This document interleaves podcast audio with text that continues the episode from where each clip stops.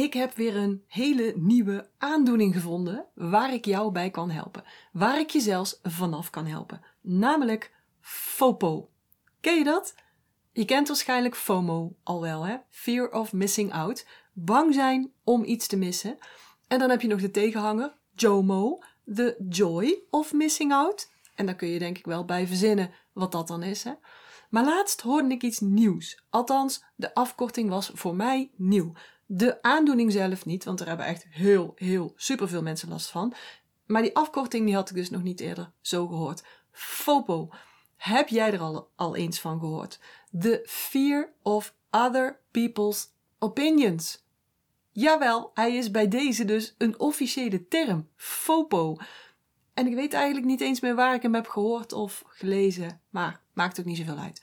Ik vond hem wel briljant en ik dacht, daar ga ik een podcast over opnemen. FOPO, the fear of other people's opinions. Heb jij daar wel eens last van? Ik denk zo van wel. Ik denk dat er bijna niemand is die daar totaal geen last van heeft. Maar zodra die angst je ook echt gaat verlammen, blokkeren of, of uit je kracht gaat halen, ja, dan moet je er gewoon iets mee. Op zich is het eigenlijk heel logisch dat we dat doen. Hè? Dat we ons iets aantrekken van wat anderen vinden. Een mens is namelijk in wezen een uh, primair dus een, een kuddewezen. De mens leeft dus in groepen, stammen als je wilt, hè, van vroeger uit. En daar is ons brein en ons hele functioneren op afgestemd. Binnen de groep, daar is het het meest veilig. Buiten de groep is het onveilig. Buiten de groep overleef je het niet lang. Buiten de groep staat zo'n beetje gelijk aan, nou, einde oefening. Dus al je systemen zorgen ervoor dat je niet buiten die groep geknikkerd wordt. Heel simpel. Alleen anno uh, 2023 is die primaire reactie van dat oerbrein niet meer zo nodig. Want we leven niet meer in grotten. Het is niet meer oertijd. Um, tegenwoordig ben je zeker in onze westerse wereld, overal veilig. In de basis, hè? Maar dat weet ons brein niet. Dat reageert nog hetzelfde als toen in die oertijd. Dus behoor jij tot een bepaalde groep, bijvoorbeeld een familie, een kennissenkring, een klas, een, een, een werkteam, een sportteam of welke groep dan ook, en ontstaat er een dreiging waardoor jij misschien wel uit dit clubje verstoten zou kunnen worden, dan gaat je brein echt allerlei fratsen uithalen, waardoor jij weer opgenomen wordt in dat club, clubje. Zo, hè? Phew, ik ben weer veilig, aan de dood ontsnapt. Dus kijkt iemand heel verdacht naar jou, hè, van achter haar computer, dan kan dat van alles losmaken in jouw brein. Dan gaat je hoofd ermee aan de haal en dan bevind jij je ineens in de situatie dat jij voortaan ieder uur koffie gaat halen voor die collega. Zo, mooi, aan de dood ontsnapt. Of je moeder maakt weer eens van die akelige opmerkingen over jouw figuur, terwijl je net vol goede moed een hap, een zin van dat heerlijke kerstbrood gaat nemen, weet je wel, met dat, oh, met dat spijs erin, zo lekker. En hup, je eet heel de avond niks meer. Zo, viel, aan de dood ontsnapt. Of je bent een online ondernemer en je weet dus dat online zichtbaarheid heel belangrijk voor jou is. Maar god, oh god, oh god, wat gaan die anderen misschien wel niet van jou vinden en denken? En je plaatst daardoor helemaal niks. Geen zichtbaarheid, geen business, maar, phew, gelukkig wel aan de dood ontsnapt. Zo werkt ons brein. Tenminste, als je dat haar goddelijke gang laat gaan. Maar hé, we leven niet meer in de oertijd. Het is bijna 2024. Dus ik zeg, kappen nou. Het slaat nergens op dat FOPO. Wat andere mensen denken of wat andere mensen vinden, mag jou nooit uit je kracht halen. Of beter gezegd, jij, ja jij, mag nooit je power weggeven aan de angst voor andermans meningen. Want dat is het ook nog eens. Het is vaak een mening. Dat wat andere mensen vinden of denken, nou ja, vaak is eigenlijk altijd hun mening. Want ieder heeft altijd zijn of haar eigen waarheid. Er is geen de waarheid. Ja, 2 plus 2 is 4. Dat is een waarheid. En, en daar hoef je niet over mee in discussie te gaan met, nou, wat zeg eens, je, je wiskundeleraar. Maar als het gaat om de meeste vraagstukken in het leven, of in jouw business, of, of wherever, In de meeste vraagstukken gaat het meestal om discussies die je uh, vanuit verschillende posities kunt bekijken. Die standpunten, verschillende standpunten. Zo moest ik laatst heel erg lachen bijvoorbeeld. Want iemand had op mijn e-mail gereageerd. Ik had een e-mail geschreven, een nieuwsbrief, waarin ik een bepaalde mening had gedeeld. Nou, en, en deze uh, lezer was het blijkbaar totaal niet eens met mijn mening. En die was er even rustig voor gaan zitten om mij dat te laten weten via een reply op mijn mail. en ze eindigde met domme doos. Domme doos. Ik moest er echt zo om lachen. En mijn eerste gedachte was eigenlijk, uh, misschien helemaal niet zoals zij het bedoeld had, maar ik dacht, yes, ik hoor er weer bij. Hoe komt dat nou? Nou, nou ja, uh, als, je, als je al even naar mij luistert, dan weet je dat mijn moeder in augustus overleden is. En sinds die tijd ja, ben ik niet zo heel zichtbaar geweest. Ik heb gewoon tijd nodig gehad voor mijn verdriet, om te rouwen, ook om, om te wennen aan de nieuwe situatie, aan de nieuwe opstelling eigenlijk van het systeem. En als je je beide ouders verloren hebt, dan herken je dat misschien wel. En dan moet bij ons ook heel veel geregeld worden. Ik heb echt het idee dat ik drie bedrijven nu heb. Hè. Maar goed, ik was dus even minder zichtbaar. En dat ben ik, ben ik weer meer aan het oppakken. En yes, daar had ik mijn eerste echte haatmail weer te pakken. Dus ik dacht, yes, ik hoor er weer bij. Want als je niet minimaal één haatmail nou, per week hebt op zijn minst, dan ben je gewoon niet genoeg zichtbaar. En kijk, vroeger zou ik dit me aangetrokken hebben.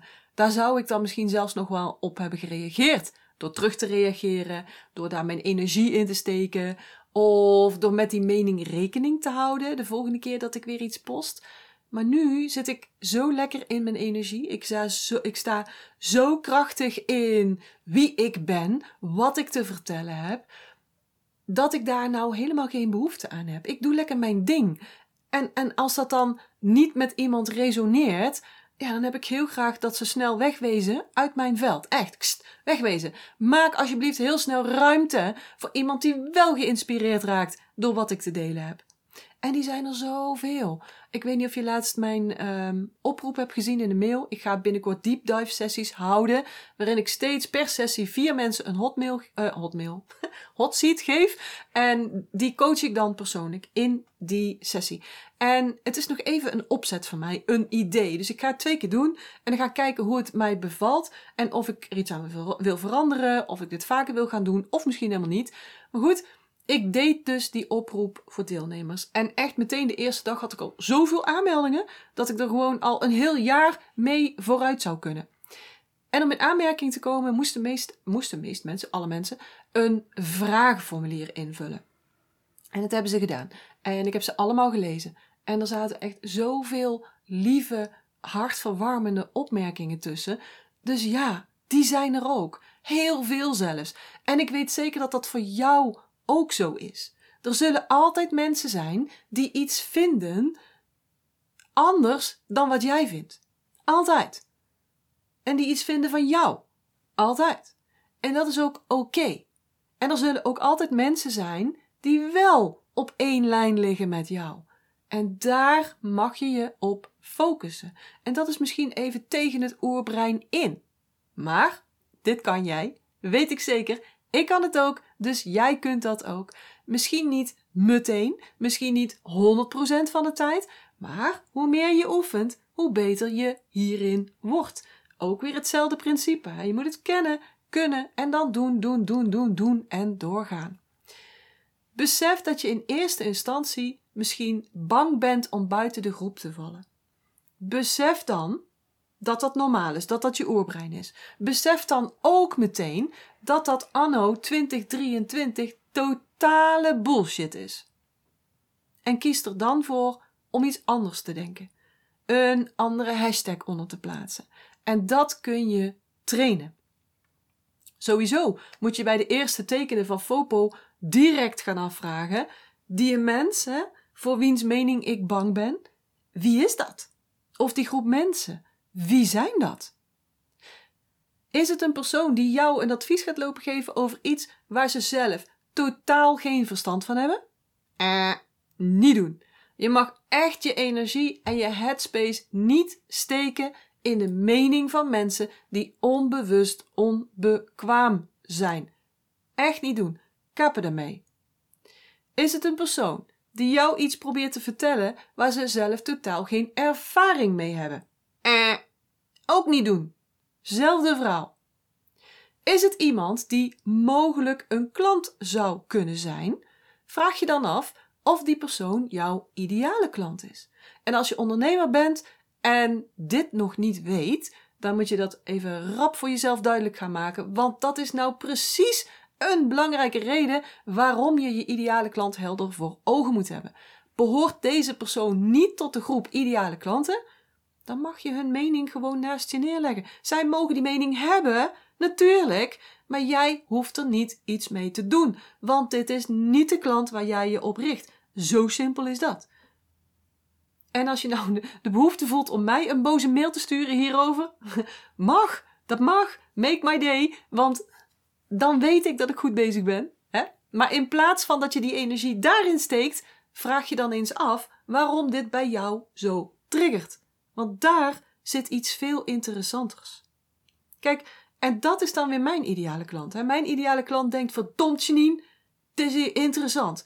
Het maakt van alles bij me los. Ik word er geïrriteerd van of wat dan ook, maar het is tegelijkertijd ook interessant om te onderzoeken. Dus ken je ideale klant. En als iemand daar niet bij hoort, dan ga je daar geen energie in steken. In het bang worden voor diens mening. Oké, okay, nu nog meer. Um, oh ja, dit is ook interessant. Stel, je maakt een nieuw aanbod of je gaat een andere prijs hanteren. Dan moet je je ook niet tegen laten houden door de mening van je huidige klanten of je alumni klanten. Want jij hebt een reden voor je nieuwe aanbod. Daar sta jij volledig achter. En natuurlijk bestaat de kans dat je tussen haakjes oude klanten het bij het oude willen laten. Dus daar mag je ook je FOPO over laten gaan. Dan mag je ook, natuurlijk kun je luisteren naar je mensen, maar je hebt niet voor niets dit aanbod gemaakt. Deze prijs ben je gaan hanteren. Daar hoort eigenlijk weer een nieuwe groep bij. En het kan zijn dat je huidige klanten of je alumni klanten meebewegen in deze richting. Dat is goed, maar ga niet op een tegengestelde mening af van je huidige of alumni klanten als jij een nieuw aanbod presenteert of een nieuwe prijs gaat hanteren. Echt, dit scheelt gewoon al zoveel. Hè? Als je dus gaat kijken naar deze groepen mensen. Uh, en dat je daar je energie niet meer in gaat steken. Dat je daar geen FOPO op hebt. Want dan blijven er veel minder mensen over. En dat geeft ruimte. Toch? Voel je dat ook? En het hangt natuurlijk af van de situatie, hè? naar welke groep je wel of niet luistert. Voor wie je dus wel of niet die FOPO uitschakelt. En nog even voor de helderheid, we hebben het dus over FOPO, Fear of Others People's Opinions. Dus de angst voor andermans meningen. Dus natuurlijk mag je iets liefs doen voor een ander. En wat jouw tijd, energie of geld kost. Natuurlijk. En zeker als je aarde-energie hoog in je profiel hebt zitten.